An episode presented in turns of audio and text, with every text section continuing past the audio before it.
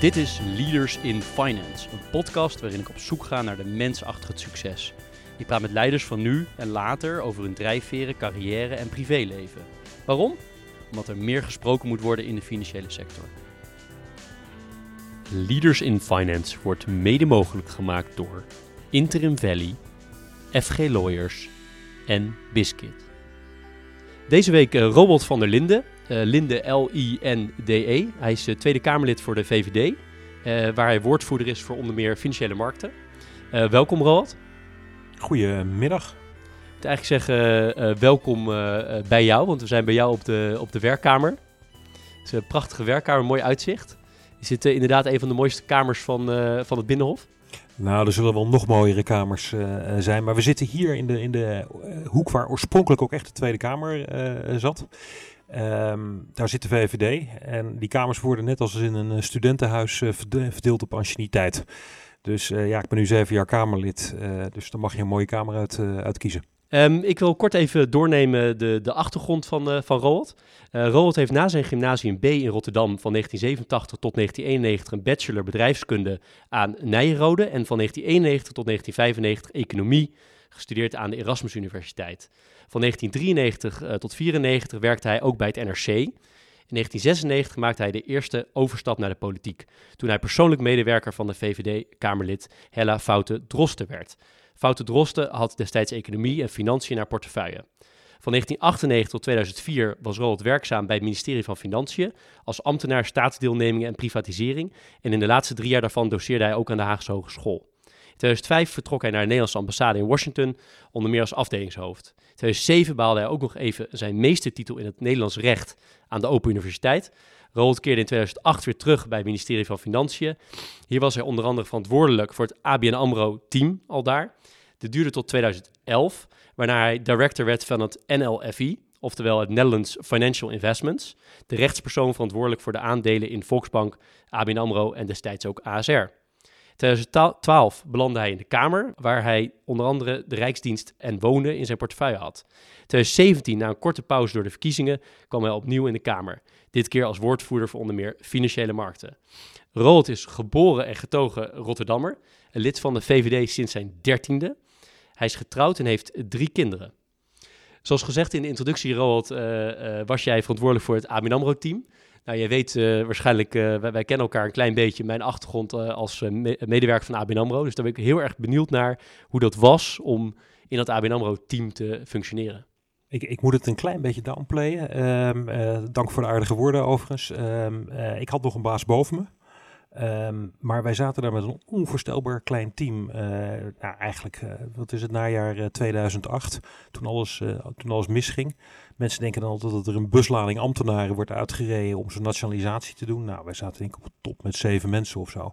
en, en daar bleven er drie of vier van over die, die zich echt op ABN AMRO toelegden. Um, geweldig spannende tijd. Ik bedoel, ja, je, zegt ambtenaar op financiën. nou, je voelt je echt geen ambtenaar als je daarmee bezig bent hoor. Je bent investmentbanker, uh, jurist, uh, je bent alles tegelijkertijd en je, je werkt gewoon uh, twee jaar lang 90 uur per week. Um, dus ja, fantastische tijd. En wat, wat zal je het meest bijblijven? Um, nou, het was voor mijzelf een spannende tijd. Ik kwam net uit, uh, uit Amerika terug. Ik had op de ambassade gezeten voor het ministerie van Financiën. Dan ben je zeg maar het, uh, het lokale uithangbord van, uh, van, van, van Financiën. En dan kom je terug. Ja, hoe werkt dat? Je komt terug uit het buitenland en dan krijg je meestal een baan waar je niet zozeer op zit te wachten. Uh, in mijn geval was het ook zo. Nou, ik, was, uh, ik was nog maar net bezig en de kredietcrisis brak uit. En, en iemand zei van, joh, mag ik je terugsturen naar je oude club? Uh, en uh, ik, ik, was denk ik de enige Nederlander die blij was met, uh, met de kredietcrisis op dat, dat moment. Maar die, die spannende tijd, hè? Wouter Bos, die dat fantastisch heeft gedaan, die kwam uit België terug. Ja, die had die, had, die had gewinkeld voor 16,8 miljard. Die, die kwam terug met twee halve banken en, en ik geloof 2,5 verzekeraar.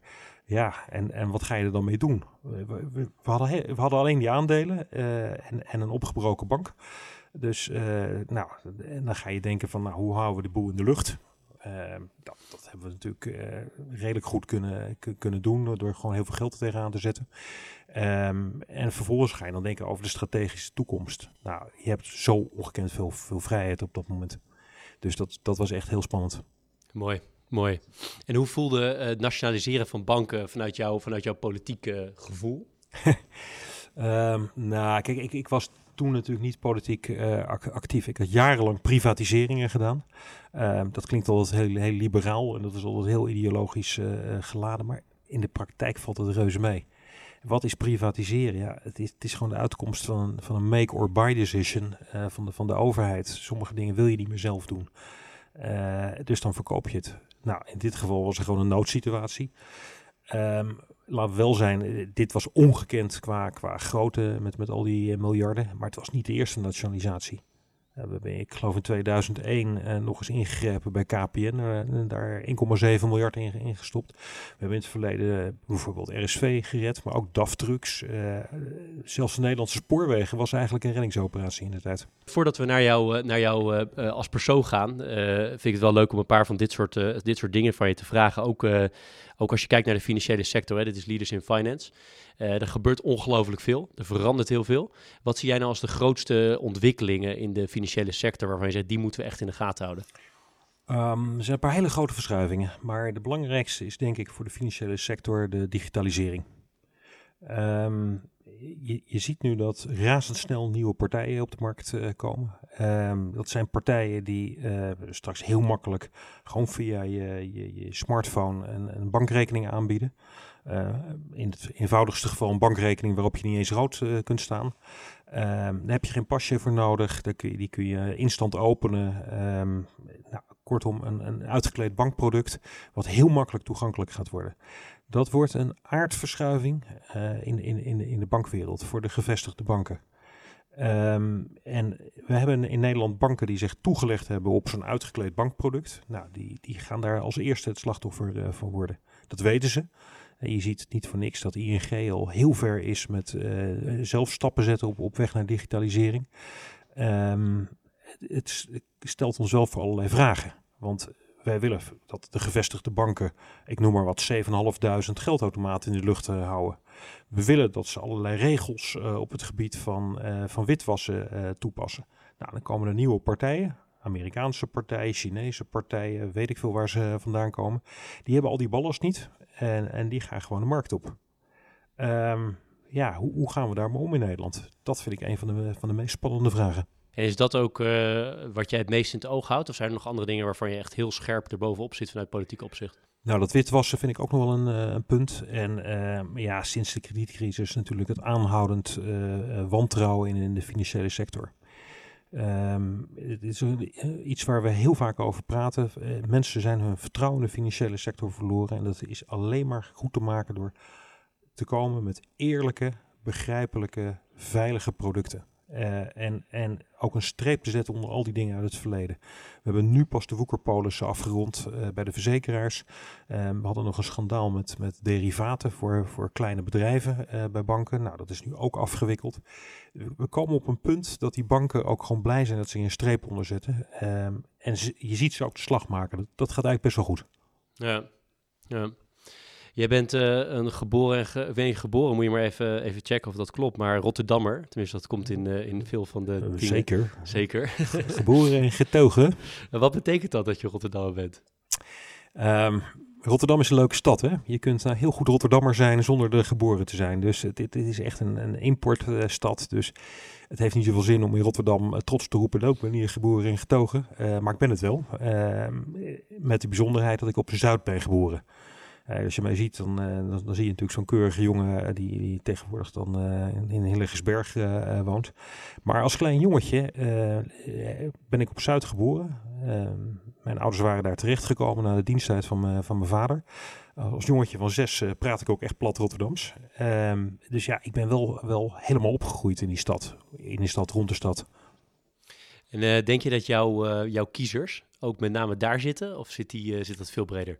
Ik zal je een eerlijk verhaal vertellen. Ik ben in mijn eigen geboortewijk uh, bij de vorige verkiezingen wezen flyeren. huis aan huis. we hebben ook aangebeld bij mensen. Hartstikke leuke gesprekken gehad. Dat heeft mij twee voorkeurstemmen opgeleverd. En dan heb je het echt over 2.500 flyers en met tien man aan de deur. Uh, je ziet wat je in Rotterdam ziet is een enorme polarisatie. Daar stemmen mensen of, of leefbaar of, uh, of NIDA. Ja, nou die polarisatie is, is echt het gevolg van uh, jarenlang verwaarlozing van, van de mensen die op Rotterdam-Zuid wonen.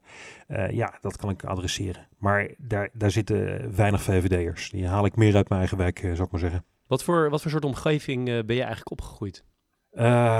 ja, tjee. ik, ik de helft dus op Rotterdam-Zuid, eh, de helft in een, eh, in een, in een buurgemeente. Nee, een keurige, fijne, rimpelloze jeugd gehad. naar een goede school geweest, gehockeyd, dat, dat, dat soort dingen. Ehm, misschien wel te standaard voor het werk wat ik doe. Hè, want veel politici die laten zich altijd voorstaan op een mooi verhaal uit hun jeugd en, en, en, en, enzovoort. Maar ik heb altijd wel heel veel belangstelling voor politiek gehad. Uh, eigenlijk zat ik als jongetje van tien zat ik al de krant te lezen. Beetje de tijd van, uh, van Wiegel en zo. Uh, en ik vond dat machtig mooi. En je zou in je inleiding dat ik op mijn dertiende lid ben geworden van de VVD. Ehm, mijn vader zei toen tegen me, op jouw leeftijd hoor je links te zijn, jongen. Ehm, nou, dat was ik niet. ik was misschien wel rechtser dan ik, dan, dan ik nu ben. Ehm, maar ik heb wel vanaf dat moment heb ik alles gevolgd. Dus dat maakt me dan, dat maakt mijn jeugd misschien nog een beetje bijzonder. Ja, nou, je hoort natuurlijk vaak dat politie eerst bij een andere partij hebben gezeten en dan overgestapt op een zeker moment. Maar bij jou duidelijk niet, vanaf je dertiende lid van deze partij? Nee, ik heb, uh, ik heb ook nooit uh, overwogen om iets anders uh, te stemmen. Ik bedoel, ik heb het wel eens moeilijk gehad met standpunten van de VVD in het, in, in het verleden. Ehm, maar ja, goed, dat, dat hoort erbij. Ik bedoel, je tekent, je tekent voor het hele pakketje en er zijn er altijd dingen waar je blij en minder blij van wordt. Ja, ik las dat destijds Ed Nijpels wel een interessante uh, figuur was voor jou om ook misschien wel lid te worden. Ja, ik, ik ben nog net lid geworden onder, uh, onder Wiegel. Um, maar daarna kreeg je Nijpels en, en, er zijn inderdaad jeugdfoto's van mij waar je mij dan met, met zo'n button met Ed Nijpels uh, ziet. Ja, die, die werd toen natuurlijk helemaal opgelierd. en er waren inderdaad toen heel veel jongeren die, die VVD stemden. kan je nog iets specifieks herinneren aan hem wat je, wat je interessant vond, wat je aantrok? Alleen al het feit dat je een, een lijsttrekker had van een jaar of dertig, uh, dat, dat gaf gewoon een heel nieuw elan aan die partij. Kijk, de VVD stond natuurlijk heel lang bekend als uh, sigarenrokers, parelkettingjes uh, enzovoort. En, en misschien hebben we dat imago nog steeds wel. Maar vanaf Nijpels hebben we dat echt wel langzaam vanaf van ons af weten te schudden, ook in de praktijk. Ja, en qua carrière uh, heb je natuurlijk het politieke, nou zie je nu, maar hè, dat ken je. De, de ambtelijke kant ken je ook. Zat dat er ook wel in vanaf, je, vanaf jonge leeftijd dat je dat openbaar bestuur van beide kanten wilde leren kennen? Nee hoor, nee, nee, totaal niet zelfs. Uh, ik, ik ben uh, gaan studeren. Ik, toen had ik het idee dat ik iets met marketing ging doen. Toen ben ik vervolgens naar Rotterdam gegaan. Toen dacht ik, nou, ik pas waarschijnlijk beter bij, bij iets financieels. en ik, ik ben eigenlijk toen min of meer toevallig hier in de Tweede Kamer verzeld geraakt als, als medewerker. Uh, ik had ook zoiets van, nou dat wil ik best nog wel een jaar of anderhalf jaar doen. En, en, en daarna ga ik alsnog naar een bank. Ik had voor hetzelfde geld bij een investmentbank uh, kunnen werken. Um, ik moet wel zeggen dat ik in de kredietcrisis geschrokken ben uh, over wat ik gezien heb daar. Ehm, het, het is wel allemaal het zat wel allemaal wel erg in een eigen kokertje en, en blij met zichzelf. Nou, daar werd ik minder blij van. En wat zou je geweest zijn als je wel echt in de industrie zelf was gaan werken? Denk je, wat voor functie? Geen flauw idee, weet je. Dan was ik begonnen ergens bij, bij een bank als, als analist. Uh, ik, zeg maar, mijn afstudeerrichting, uh, dan was ik waarschijnlijk richting fusies en overnames gegaan. dat is uiteindelijk wat ik natuurlijk met die privatiseringen en nationaliseringen heb gedaan bij de overheid. Hè. Dat, dat waren gewoon fusies en overnames. Ja, ja. Ik heb zelf bestuurskunde gestudeerd. Uh, die politiek-ambtelijke verhoudingen, daar ging het vaak over. Um, overstappen van ambtenarij naar de politiek. Hoe doe je dat? Dat was best wel lastig. Um, want ja, ik had hier anderhalf jaar gewerkt als, als medewerker van een Kamerlid. Maar dan doe je zelf geen politiek. Maar uh, de meeste Kamerleden die hier komen, die zijn jarenlang gemeenteraadslid of wethouder of zelfs burgemeester uh, geweest. En ik kwam hier zonder enige echte politieke uh, ervaring. Dus het heeft mij twee jaar gekost om Um, om, dat, om dat vak eigen te maken. Want je doet hier iets anders. Als ambtenaar ben je van de inhoud. Je, je, je, komt met wetgeving. Uh, nou, in mijn geval, ik zat in wat andere hoek. Uh, zaten we meer in de, in de, in de, in de transacties. Maar je zit, je zit in de inhoud. Een, een, een politicus doet iets anders, een volksvertegenwoordiger. Wij staan tussen zeg maar, dat openbaar bestuur en, en de bevolking in. En wat wij voortdurend doen, is moeilijke beleidstaal begrijpelijk maken voor mensen op straat. En andersom, de klachten uh, en gevoelens van mensen op straat vertalen in, in, in moeilijke beleidstaal. Um, we zijn een soort interface, zeg maar. En dat moet je je eigen maken. En dat betekent bijvoorbeeld dat je al die moeilijke dingen waar je mee bezig bent, hè, want het zijn, het zijn vaak hele complexe vraagstukken, dat je die voortdurend moet vereenvoudigen voor mensen. Het moet begrijpelijk zijn voor iedereen dan kan ik allerlei kinderachtige beelden van ik moet het aan mijn buurvrouw of mijn schoonmoeder kunnen, eh, kunnen, kunnen uitleggen. Maar het is wel de essentie. Uh, want als mensen niet snappen wat, wat je doet, dan wantrouwen ze je. En uh, um, als je alleen maar praat, want dat doe je als ambtenaar al snel, over stelsels en uh, systemen, daar hebben mensen niks aan. Ja, wat nou systeem? Ik, bedoel, ik heb een probleem, het moet opgelost worden. Um, we hebben die discussies ook bijvoorbeeld eh, als je het hebt over de spoorwegen. Hè, dan heb je het over de ordening van het spoor, marktordening. En uh, moet het nou geprivatiseerd of genationaliseerd? En moeten er concurrenten komen uh, enzovoort. Daar heeft die meneer of mevrouw die ochtends om zeven uur op het perron staat geen boodschap aan. Die wil gewoon dat de trein op, tijd rijdt. Um, en je, je, moet dus wel allebei kunnen, kunnen, kunnen doen. Maar de debatten moeten uiteindelijk wel gaan. Hoe helpen we die meneer of mevrouw op het perron? Nou, dit is maar één voorbeeld, zo heb ik er nog honderd. En nu je volksvertegenwoordiger bent, uh, heb je nu meer respect gekregen voor die rol? Of had je als ambtenaar altijd al heel veel respect voor die, uh, die politieke, politicus? Als ik nog eens een proefschrift ga schrijven, dan is het over de verhouding tussen Tweede Kamerleden en ambtenaren. Want ik denk dat dat aan twee kanten niet goed zit. Um, ik, ik, merk hier dat Tweede Kamerleden uh, die geen ambtelijke achtergrond hebben, dat is nog steeds denk ik het, het merendeel, ook um, niet altijd overtuigd zijn van de kwaliteiten van ambtenaren. En andersom merk ik het zeker.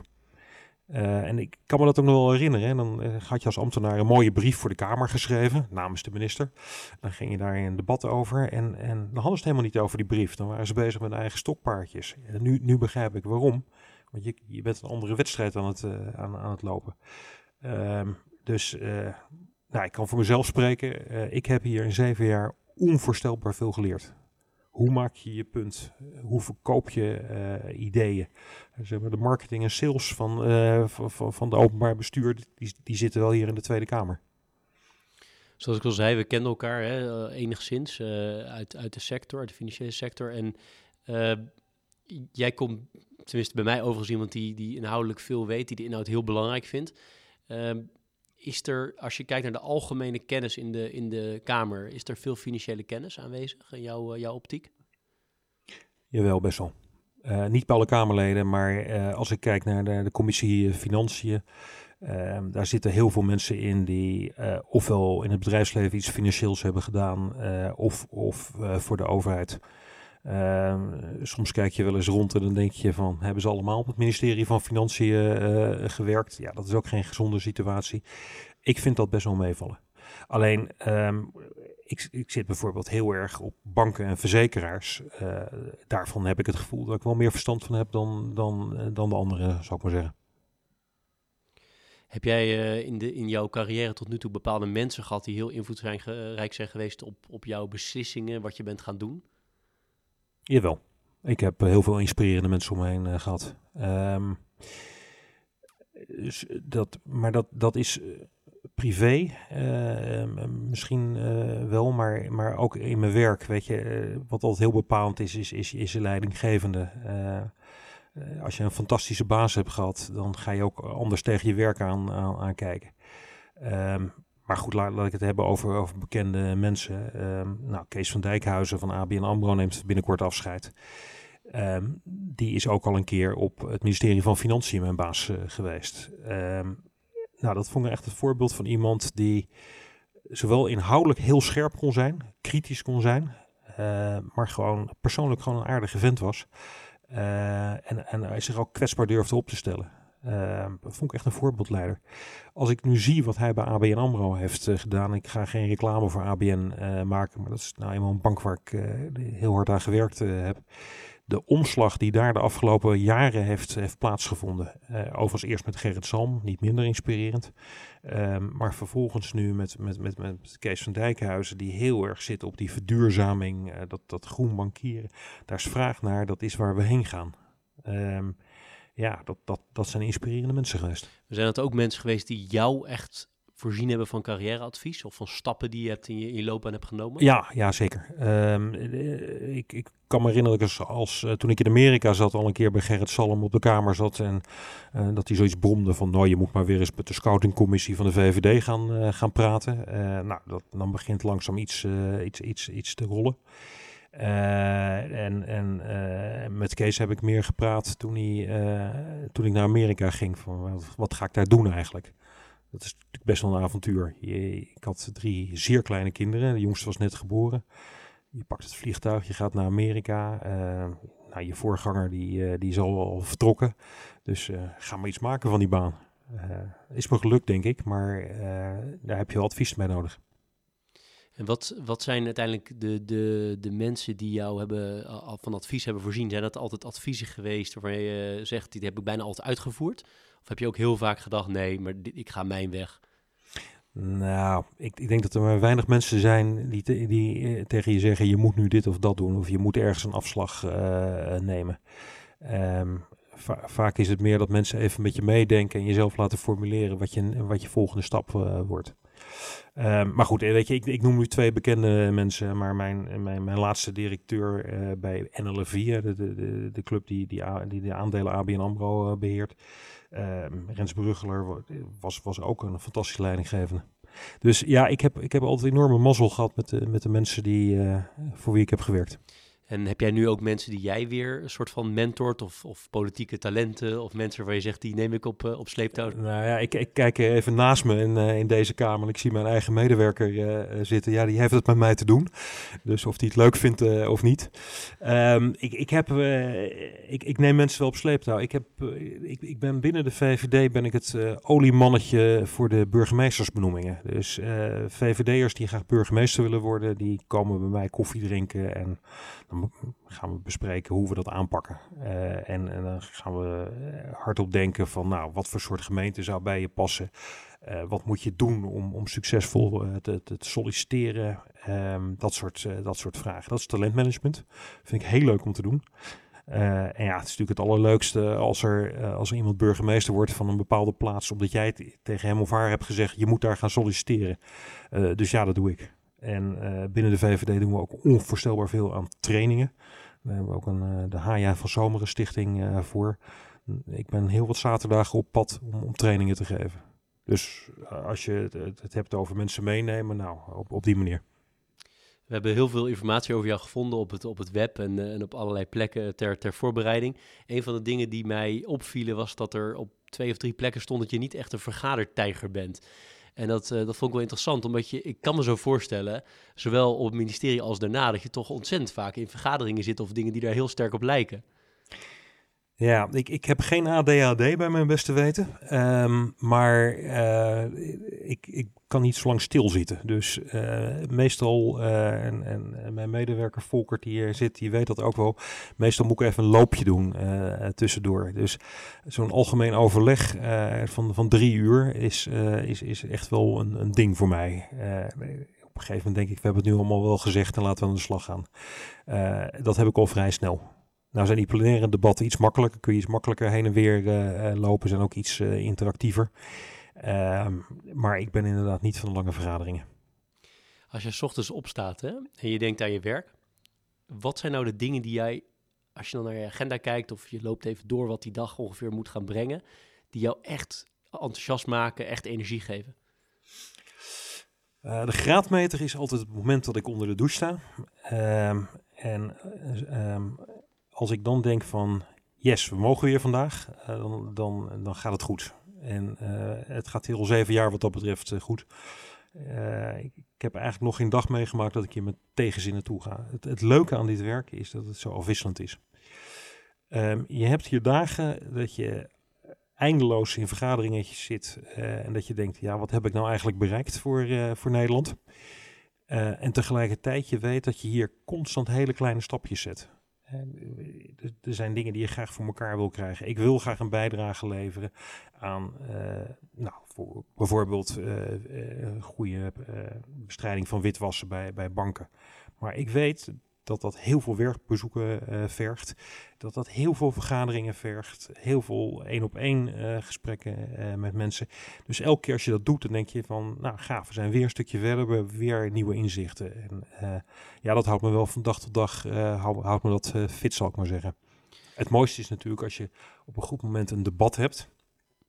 En je krijgt echt iets voor elkaar. Je, er is echt iets veranderd in de wet.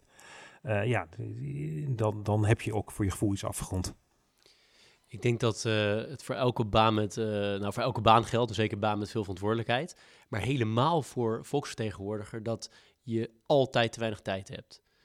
Hoe deel jij je tijd in? Want je kan altijd op meer werk bezoeken, je kan altijd meer stukken lezen, je kan altijd beter voorbereiden, je kan altijd met meer mensen praten. Hoe zorg je nou dat je heel veel nee's moet zeggen ook waarschijnlijk. Maar hoe zorg je ervoor dat je die dag onder controle houdt, dat jij blijft sturen op waar jij echt op wil sturen? En het is nooit klaar. Ehm, je noemt een van de grootste uitdagingen uh, die we hier hebben. Um, ik, ik heb na de verkiezingen heb ik even thuis uh, uh, gezeten voor ik, voor ik weer opnieuw werd, werd benoemd. Um, en ik heb die tijd gebruikt om juist deze vraag voor mezelf te beantwoorden. En hoe doe je dat? Nou, dan ga je gewoon weer die, al die managementboekjes die in de kast hebt staan, ga je weer eens uh, bekijken. Ga je, dan krijg je van die kwadranten hè, van uh, dingen die urgent zijn en belangrijk en, en, enzovoort. En dan, dan, neem je je echt weer voor van ja, ik moet nu echt me toeleggen op de dingen die wel belangrijk zijn, maar niet urgent. Hè, dat je de extra, de extra kilometer hier kan, kan lopen. En de onbelangrijke dingen moet ik van me afschudden. Um, de harde werkelijkheid is, uh, alles is urgent. Uh, het, het, is soms ontzettend lastig om, om dingen uit te filteren. Maar om eens een voorbeeld te noemen. Uh, wij krijgen hier tussen de 100 en 150 e-mails per dag. Uh, er zijn ook heel veel e-mails met procedurele dingen, die kun je gewoon weggooien. Maar er zitten heel veel mensen gewoon op straat die, die gewoon een vraag hebben en die, die daar een antwoord op willen hebben die mensen horen gewoon, in ieder geval binnen een week of twee, drie, iets van een antwoord uh, te krijgen. En dat kan heel kort zijn, maar je moet het wel even tot je, tot je, tot je door laten dringen.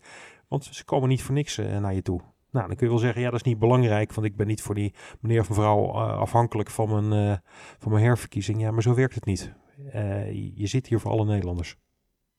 Ook voor die boze SP'er die, die, die, die, die je mailt. Dus um, ik ben er nog steeds niet goed over uit. Dus uh, voorlopig werken we maar gewoon heel verschrikkelijk hard om alles uh, voor elkaar te krijgen.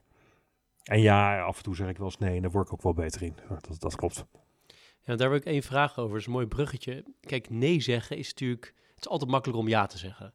Maar hoe, hoe zeg je nee op een manier die wel werkt? En dat is een hele praktische vraag, maar het is iets waar, waar heel veel mensen die, die ik spreek ook altijd zeggen... Ja, hoe kan je nou op een nette manier nee zeggen? Eh, je bedoelt als, als het gaat om... Dingen die je wel leuk vindt, ja. die je eigenlijk best wil doen, maar waarvan je toch zegt, ja, ik moet nu keuzes maken, want ik kan niet alles doen? Nou, meestal probeer ik dat uit te leggen. Um, ik, ik, kijk, smoezen en zo, dat, dat werkt niet zo erg. Want mensen weten precies waar je wel uithangt in diezelfde tijd. Dus uh, dat moet je ook niet doen. Je moet proberen zo eerlijk mogelijk uh, te zijn. Um, maar je kunt prima tegen mensen zeggen van sorry, ik, ik red dat gewoon niet. En mensen begrijpen dat. Wat echt heel vervelend is, is toezeggingen doen. Uh, dat je ergens bent, bij een congres uh, bijvoorbeeld, en, en op het laatste moment moet afzeggen dan krijgen mensen echt de smoor in. Maar als je gewoon van tevoren zegt, dat gaat me echt niet lukken. Of, of, uh, en, en we kunnen ook vrij veel dingen doorverwijzen naar collega's. Hè. Als ik een, uh, iets, iets op het uh, nou, een verzoek voor een congres krijg en er zit heel veel fiscaliteit bij, dan vraag ik mijn collega Helma Lodders. Er zit er veel ICT bij, dan, dan verwijs ik naar Jan Middendorp. nou, zo heb ik nog wel wat van die, van die raakvlakken met andere collega's kwam een aantal keer tegen dat je, dat je echt een teamspeler bent. Is het als lid van de Tweede Kamer, waar je heel erg in de spotlight staat, vaak ook soms eenzaam? Ja, daar sta je zelf bij. Kijk, als je er een solo race van maakt en uh, denkt dat, dat je hier alleen maar bent voor je eigen herverkiezing of je eigen beroemdheid, dan wordt het niks. Uh, je, je moet echt proberen met, met die, nou in ons geval 32 mensen, een team te zijn. En dat betekent dat je elkaar ook uh, af en toe de bal moet toespelen. Dat je ook, ook elkaar nou ja, successen moet, moet, moet gunnen. daar is heel veel aandacht voor. je, je, je ziet kijk, wij, wij komen allemaal uit dezelfde opleidingscarousel. Met die, met, die mooie Haya van Zomeren Stichting. Wel dezelfde kadertrainingen gehad. En, um, maar dat is, dat is ook bedoeld om de mensen eruit te filteren die ook echt gericht zijn om als team te werken. En uh, ja, er wordt soms gezegd van ja, bij de, bij de VVD hebben ze het altijd gezellig, hoe, hoe slecht het ook gaat. We hebben ook onze, onze slechte buien, maar uh, als, als er iets misgaat, dan, dan uh, voelen we ons gezamenlijk ellendig, zou ik maar zeggen. En dat geeft gewoon een goede sfeer. Uh, beloningsbeleid is een onderwerp waar misschien uh, of onevenredig vaak uh, veel aandacht krijgt, of misschien ook niet. Dat is aan jou om dat te beoordelen. Maar zowel hier in de politiek als in de, in de financiële wereld zelf. Um, in maart 2018 speelde de kwestie rond de beloning van, van de CEO van ING. Uh, je zei toen dat minister Hoekstra aan de ING uh, zou moeten uitleggen wat de heren directeuren blijkbaar zelf niet wilden snappen. Dit is losgezongen van de samenleving, uh, eindigde jouw, jouw opmerking. sta je daar nog steeds achter? En, ja, volkomen. Ja. Vertel. Nee, ik zal je ook uitleggen waarom. Um, kijk, ik, ik heb met dat, met dat werk met die staatsdeelnemingen, heb ik, heb ik jarenlang zoveel mogelijk ben ik weggebleven van die beloningsdiscussies. want eigenlijk alles is altijd te veel. Uh, er zit heel veel ideologie bij, er zit heel veel jaloezie bij. Uh, en ik vind het prima als mensen uh, in, in topposities echt een goed salaris hebben en, en veel meer verdienen dan, dan anderen. Zeker als ze getalenteerd zijn of, of, of enzovoort. Ik vind dat het ook hoort bij een partij als, als, de, als de VVD. Je gunt mensen die goed zijn, gun je een goed salaris. Hier was wat anders aan de hand. Um, wij kwamen net uit een financiële crisis. We hebben met geld van gewone Nederlanders hebben de banken moeten redden.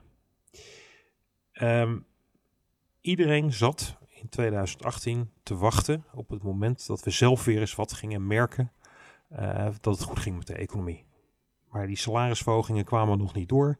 Mensen hadden op geen enkele manier het gevoel dat, dat, dat ze beloond werden voor, voor eh, acht, negen jaar de buikriem uh, aan, aantrekken.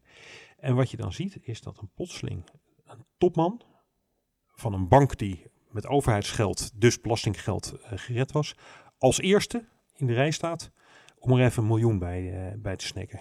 En um, dat nog even tegen de achtergrond dat wij ook afspraken hadden met de banken over gematigd beloningsbeleid. En we wilden dit voor zijn, dus we hadden die afspraken gemaakt.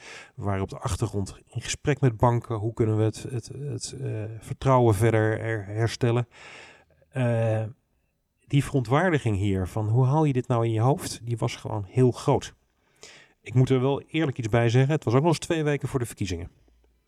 Um, en uh, dat maakt dit vuurtje natuurlijk altijd uh, groter en, en, en enzovoort. Dus, dus je zag meteen dat, dat uh, vooral GroenLinks, die, die, die sprong er meteen op. En die hebben daar denk ik ook elektoraal voordeel bij gehad. Um, en dus het is niet dat wij iets vinden van de absolute hoogte van een, van een salaris. Maar een CEO die ergens midterm een onverklaarbaar groot bedrag erbij krijgt, dat op het moment dat het allemaal zo gevoelig ligt, dan snap je niet waar de maatschappij staat op dat moment.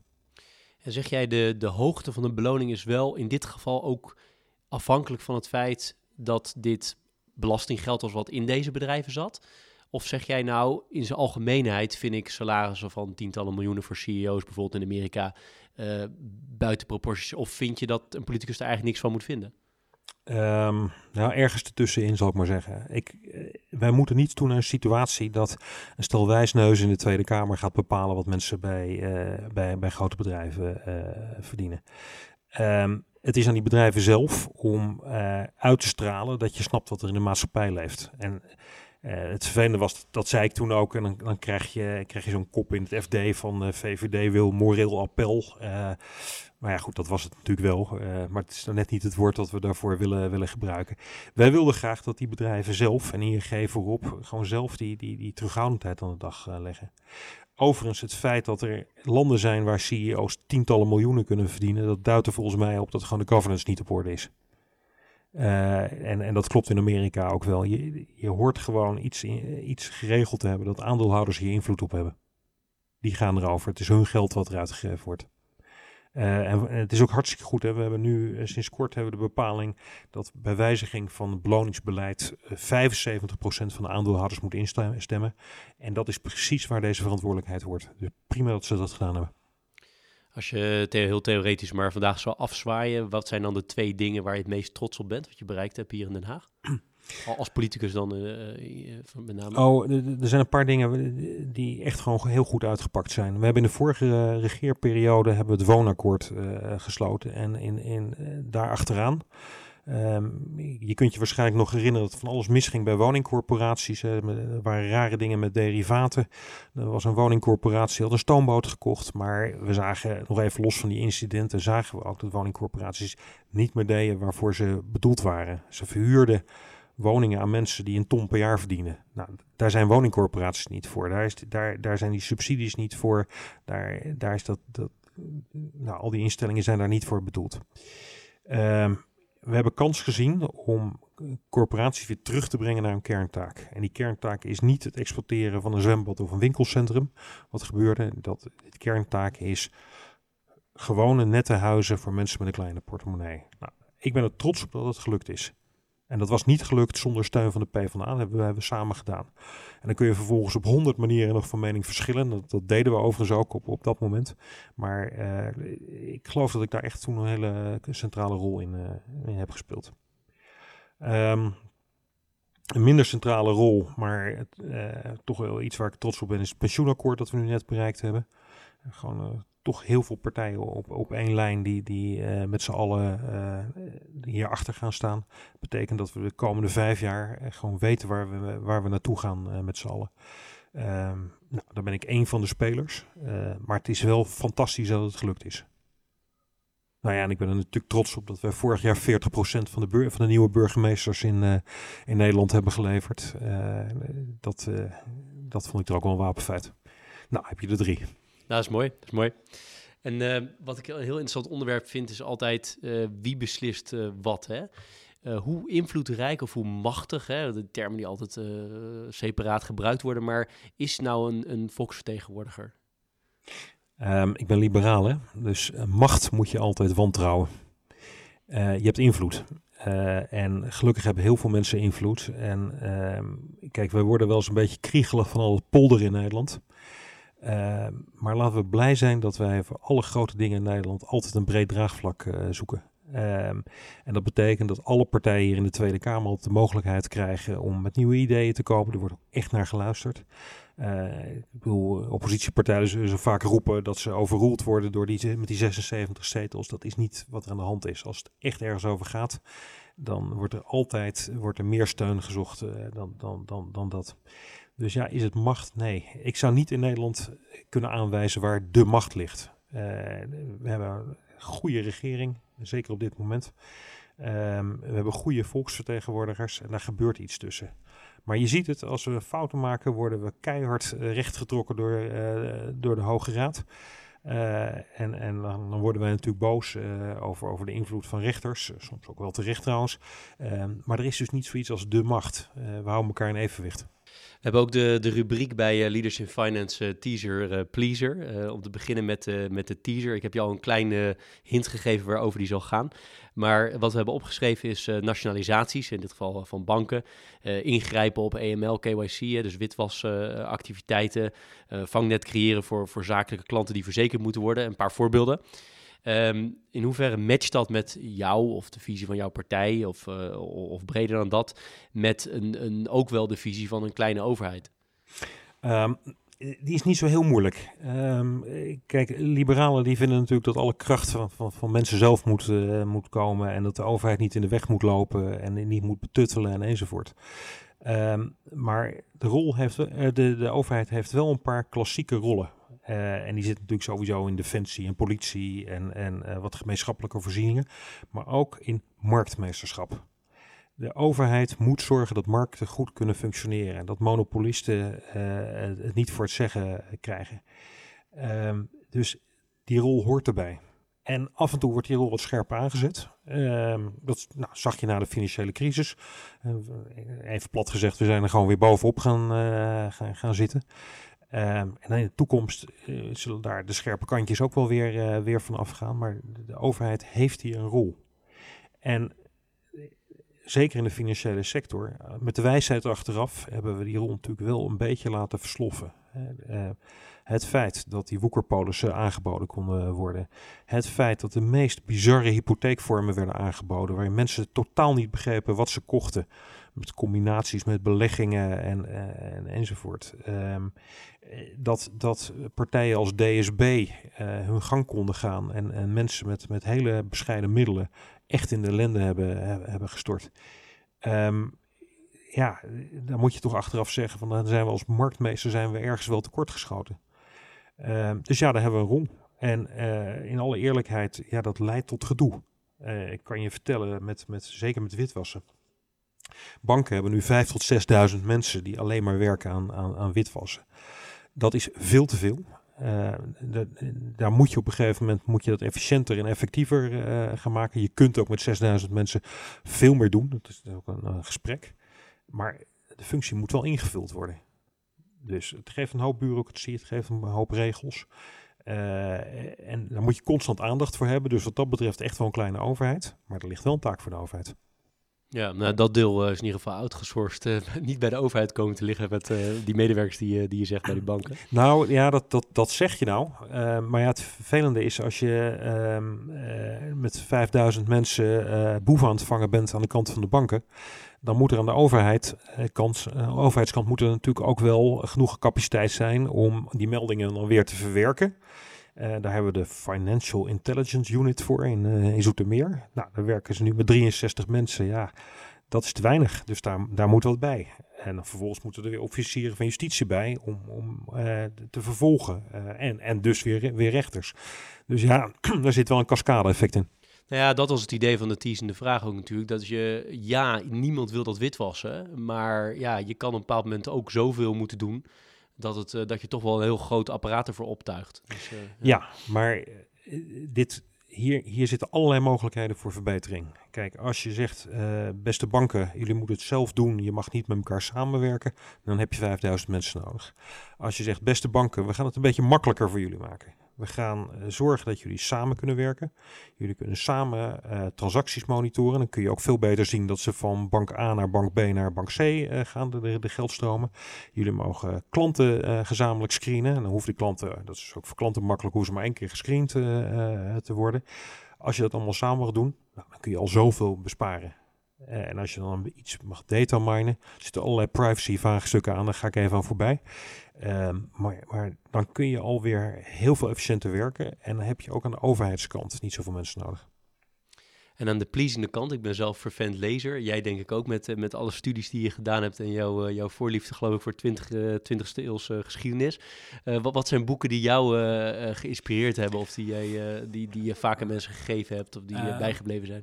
Oh ja, nee, dat is van, van alles. Um, ik, ik heb hier ooit van, van mijn beleidsmedewerker de Dictators Handboek gekregen.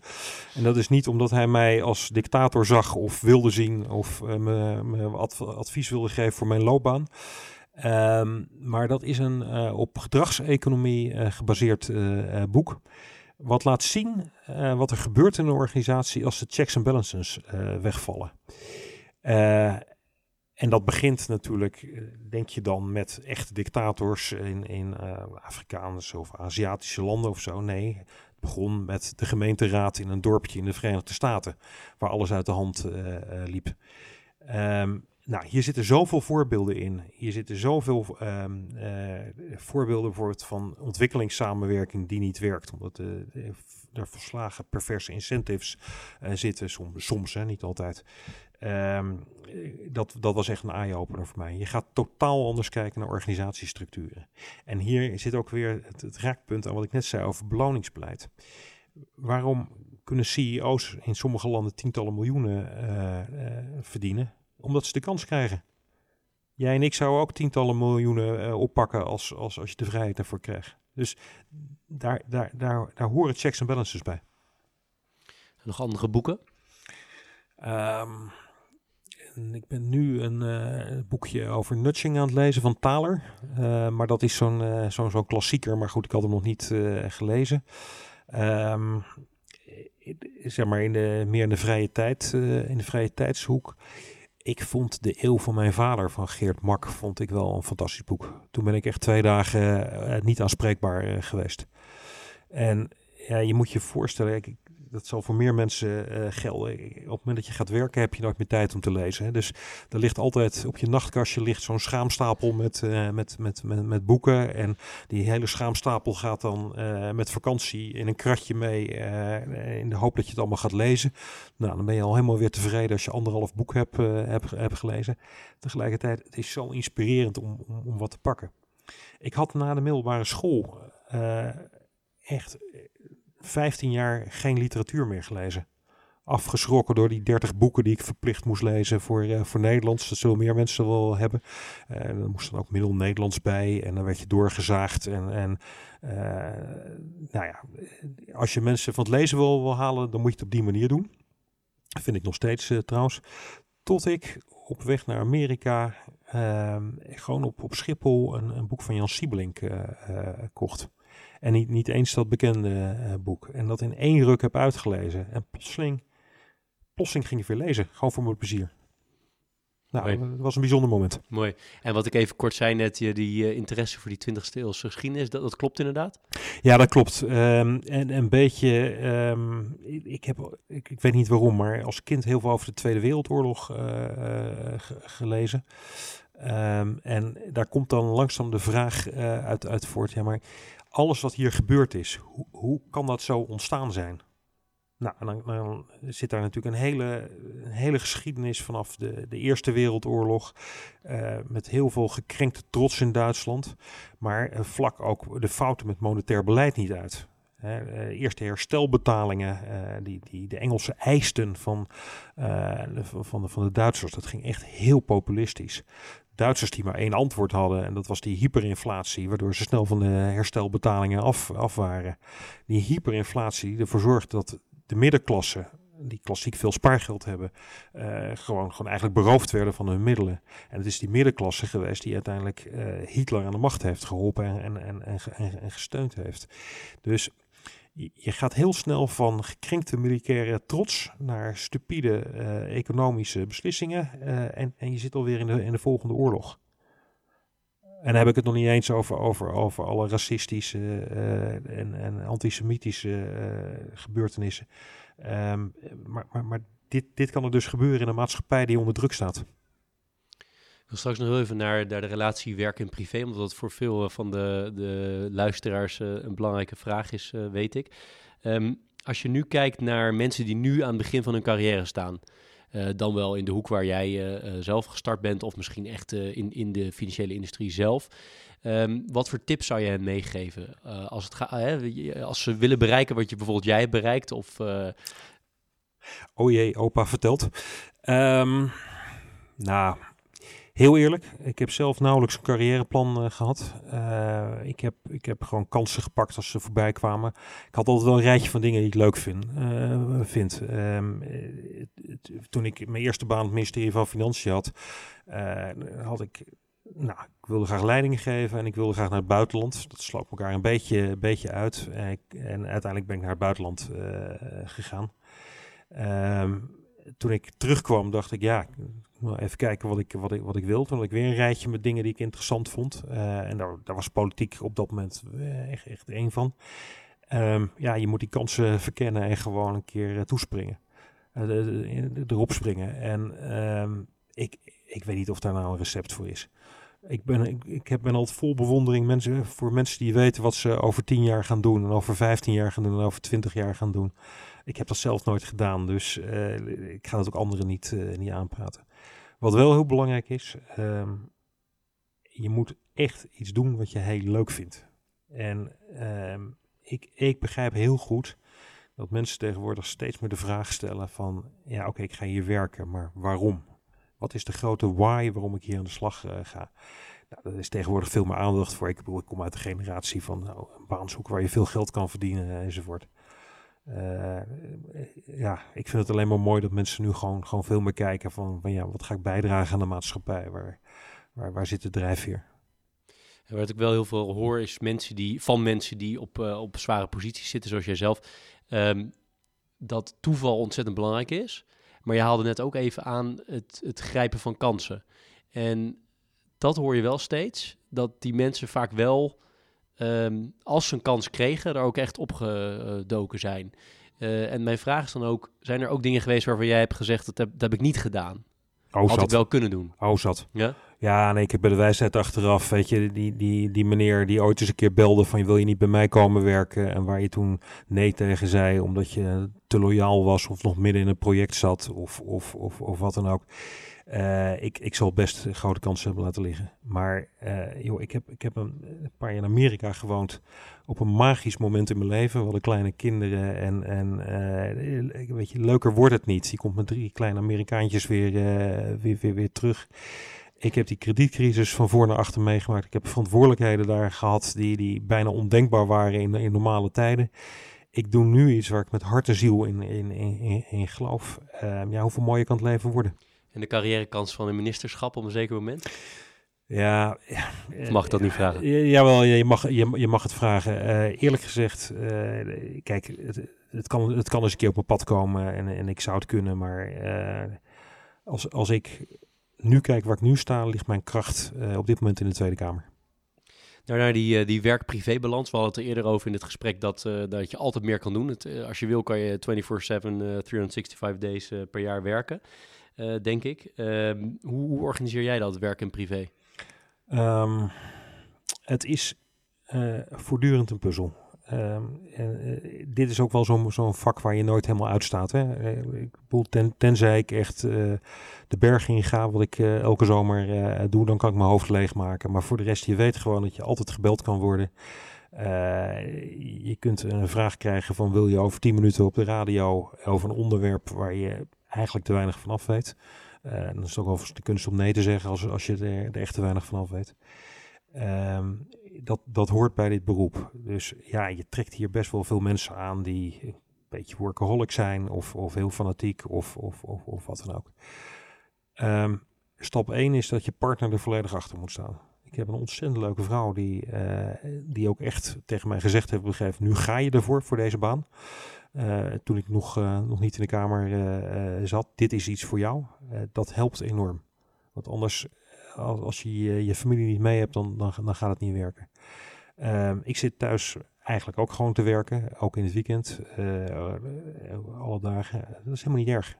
Um, als je maar wel de tijd hebt om nou, zeg maar op zondagmiddag een uurtje voor de open haard te zitten en een glaasje wijn uh, te doen. Uh, als je tijd hebt om essentiële momenten voor je kinderen te zijn. Uh, ik heb ik, nou, ik heb wel een opvoedkundige filosofie, maar ik ga in ieder geval niet bovenop mijn kinderen zitten. Uh, dus, dus zoek het zelf maar uit. Dat is eigenlijk uh, liefdevolle... Ik wanneer ze deze podcast horen. Maar... Uh, nou, ik zal het ze laten horen, maar ze weten wel dat ik er zo over denk. Nee, dit, een, een, vriend van me die noemde dit liefdevolle verwaarlozing. En dat is, dat is eigenlijk wat we... Ik, ik ben er van oprecht van overtuigd dat je leuke kinderen krijgt... als je ze gewoon zelf zoveel mogelijk laat uitzoeken. en als ze vragen hebben, dan, natuurlijk, dan maak je alle tijd voor ze. Maar ehm, ik heb met mijn kinderen, ik heb me nooit bemoeid met huiswerk... Ik zou niet weten hoe ik hun schoolcijfers moet opzoeken in, in, in dat elektronische systeem, waar we dan elke keer weer een wachtwoord voor, uh, voor, voor krijgen. Um, dus uh, nou, ze hebben geen last van me, zal ik maar, uh, zal ik maar zeggen. Um, en toch is het heel gezellig bij ons thuis. Ik was vorige weekend op een verjaardag waar ook een Kamerlid was, een collega-Kamerlid. En die, die vinden het toch wel heel moeilijk om niet met hun telefoon bezig te zijn. Dat vindt iedereen moeilijk. Maar ik heb het idee dat de Kamerleden dat misschien wel last vinden om, om wat je zelf zei. Hè? Omdat je zomaar gebeld kan worden voor een interview of dit of dat. Of, kan jij wel echt, als jij in privé bent, ook echt daar zijn? Of ben je toch altijd in je achterhoofd bezig met wat zeg ik? Want je moet ook altijd nog oppassen wat je zegt waarschijnlijk. Nou, ja, maar kijk, weet je, privé is privé. Als ik op een feestje sta, dan... Uh uh, dan wil ik best wel eerlijk zijn tegen, uh, over, over dingen waar ik twijfel over heb of, of, of wat dan ook. Daar moet je ook niet de krampachtig over, over doen. Um, uh, ik kan mijn telefoon moeilijk wegleggen. dus ik krijg regelmatig te horen van de Linde, leg dat ding weg. in die bewoordingen. prima, ik, ik luister goed. En hoe blijf je fit? Um, wisselend. Uh, want je weet hier ook, als je hier, uh, mijn medewerker die lacht, want die weet dat ik gisteravond weer eens naar de sportschool ben, uh, ben geweest. Um, als het hier druk is en je, dan heb je geen tijd om te sporten, en dan weet je ook dat je hier slecht gaat eten. En zeker als je onregelmatige uren hebt of het op midden in de nacht hier, hier, hier zit. maar als we in januari begint het weer te kriebelen, want ik moet met mijn zoon de berg in. Hij is 17 en wij gaan elk jaar sowieso een week samen lopen. Uh, en uh, je wil hem wel bijhouden. Dus uh, zo vanaf januari, februari ga ik weer naar de sportschool. En dan probeer ik er weer wat van, van te maken. Geweldig. Een van mijn vragen was, hoe, hoe zien die bergwandelingen eruit? Dus die, die hebben we nu ook wel... nou, dat is, nee, maar dat is, dat is fantastisch. We, we zijn het ooit gaan doen omdat hij geen zin had in zeilkamp. Toen zei ik, nou, dan gaan we samen de berg in. Toen was hij 13 denk ik, of 14. En uh, dat beviel zo goed dat we gezegd hebben, nou, we gaan in etappes lopen van West-Zwitserland naar Oost-Oostenrijk. Dus wij lopen elke keer een stuk en uh, dan, dan het jaar erop beginnen we weer waar we geëindigd zijn. En dat doen we op die manier. Maar dat wordt elk jaar spannender, want je begint natuurlijk met een keurige wandeling van hut naar hut. Daar slaap je dan. ja, tot je op de kaart ziet van ja, dat is toch wel een gletsjer waar we een stukje overheen moeten lopen. Nou, oké, gaan we cursus doen, uh, leren wat over, uh, over touwtechnieken en we gaan het gewoon proberen. dus dus ja, dat, dat, wordt elk jaar mooier en leuker. En nou ja, mijn zoon die gaat nu ook, ook op, op, naar die bergkampen toe. Um, en die leert dus dingen die ik dan niet, niet kan en niet weet. Dus dan geeft hij mij weer een beetje les en dat is fantastisch. Ja, leuk. Nou, dit is uh, Leaders in Finance uh, podcast. Uh, zoals je weet heb jij bepaalde leaders in finance of daarbuiten, maar bij voorkeur in de, in de financiële wereld, dan wel in de politieke of de ambtelijke kant of juist in de industrie zelf, waar jij, die jij als, als, nou ja, als voorbeeld, misschien wat zwaar, maar als, als leader, echte leader zit. Ik denk dat er bij de Nederlandse banken, ik noemde het Kees van Dijkhuizen al, maar ik denk dat er ook bij de andere Nederlandse banken steeds meer mensen komen bovendrijven. Uh, die uh, wel degelijk begrijpen wat, de, wat, wat de, de gevoeligheden zijn en waar we heen moeten. En die ook de, de, de, de bedreigingen zien uh, van, van wat ik net noemde, digitalisering en, en uh, ook integriteit van, van, van banken. Uh, bedenk nog even waar we, waar we 20, 25 jaar geleden stonden met bankieren. Waar we nog, uh, dat zal iets langer geleden zijn, dat we het bankgeheim nog hadden in, in, in Nederland.